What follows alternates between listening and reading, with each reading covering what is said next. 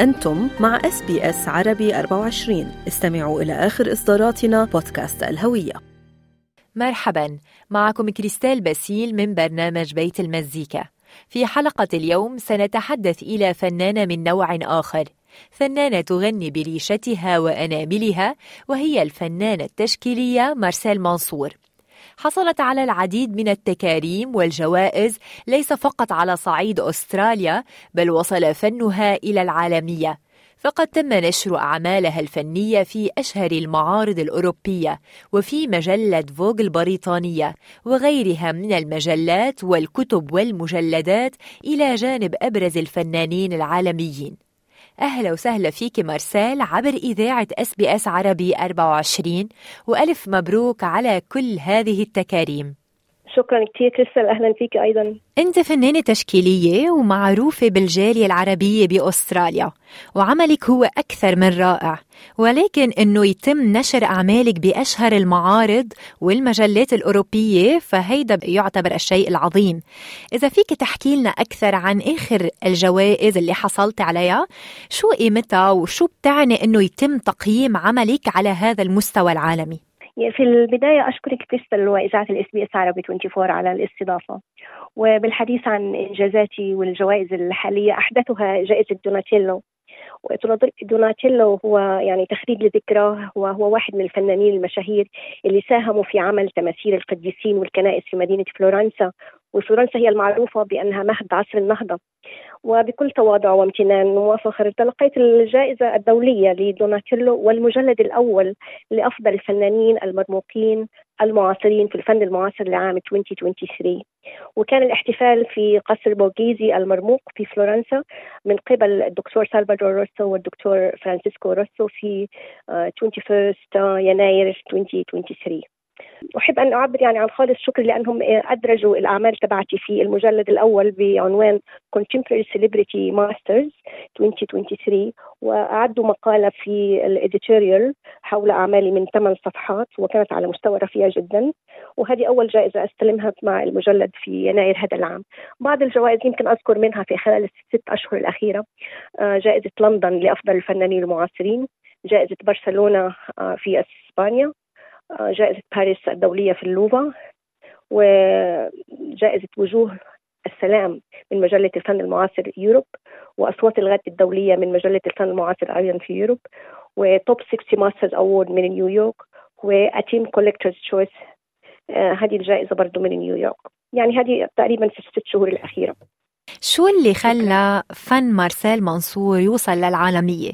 هل في أي عمل معين بتعتبري كان مثل نقطة التحول لهذا الانتشار؟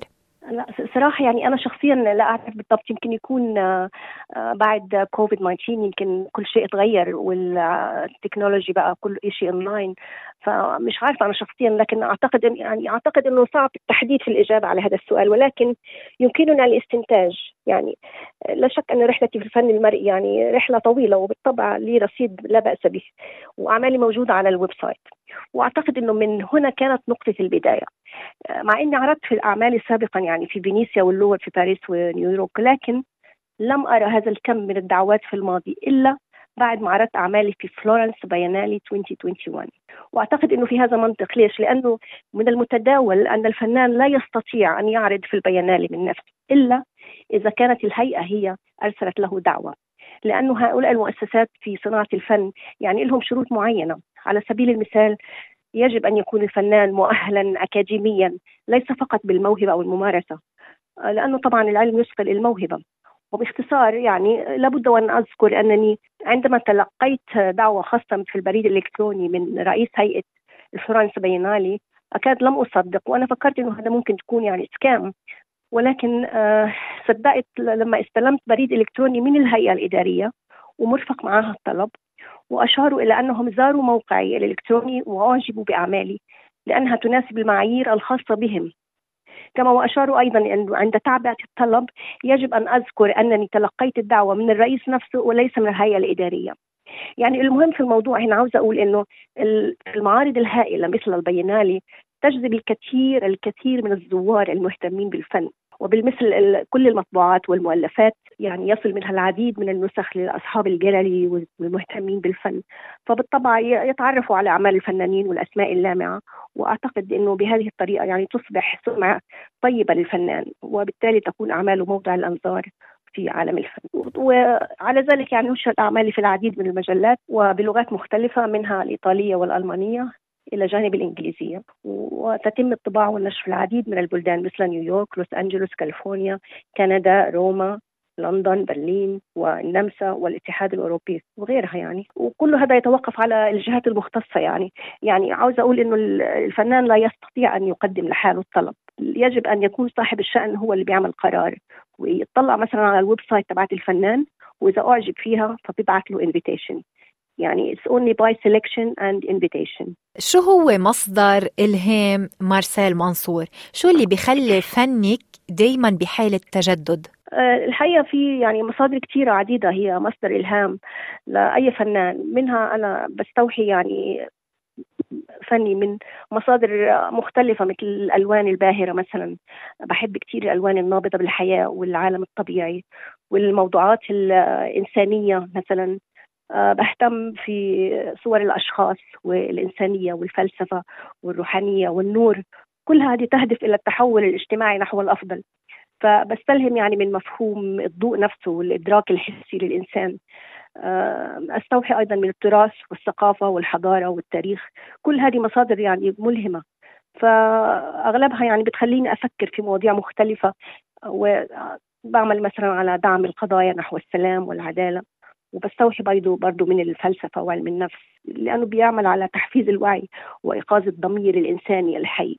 أكيد لازم دائما يكون في غرض من الفن وفي هدف وفي جول آه، معين لازم يوصل له الفنان لكن يعني الغرض هذا هو مهم كثير زي ما قلت يعني مثلا تحقيق السلام أو الهوب أو آه، يعني بالنسبة للتحديات اللي إحنا بنقابلها في العالم حاليا في العالم هذا يعني بقى غريب وفي صعوبات كثيره فبحس إنه لازم آه، يعني أثير بعض المواضيع ونشوف كيف إحنا نقدر نتغلب عليها مثلا بعمل على يقظة الضمير مثلا الإنساني يقظة الضمير أو الريزيلينس حاجات زي هيك يعني بحب أرسم الأشخاص خصوصا. بحب الأشخاص يعني خصوصا الشخصيات البارزة ووجه المرأة وبحب أعبر عن المرأة آه، بملامحها الشرقية وعيونها الواسعة هيك والطراز التطريز الفني مثلا في التراث حاجات زي هيك في أي عمل جديد عم تشتغلي عليه ولوين بدك تاخدي هالمشوار الغني؟ في الحقيقة أنا مشتاقة كثير إني أعمل معرض solo exhibition لأنه من يوم كوفيد تغيرت كل الأحوال وما زال في ذهني فكرة ومشروع يعني يخص الجالية. لكن أنا دائما يعني بأجله وأكرر تأجيله لأني مشغولة حاليا في إرسال أعمالي الجديدة يعني في معارض عالمية جماعية.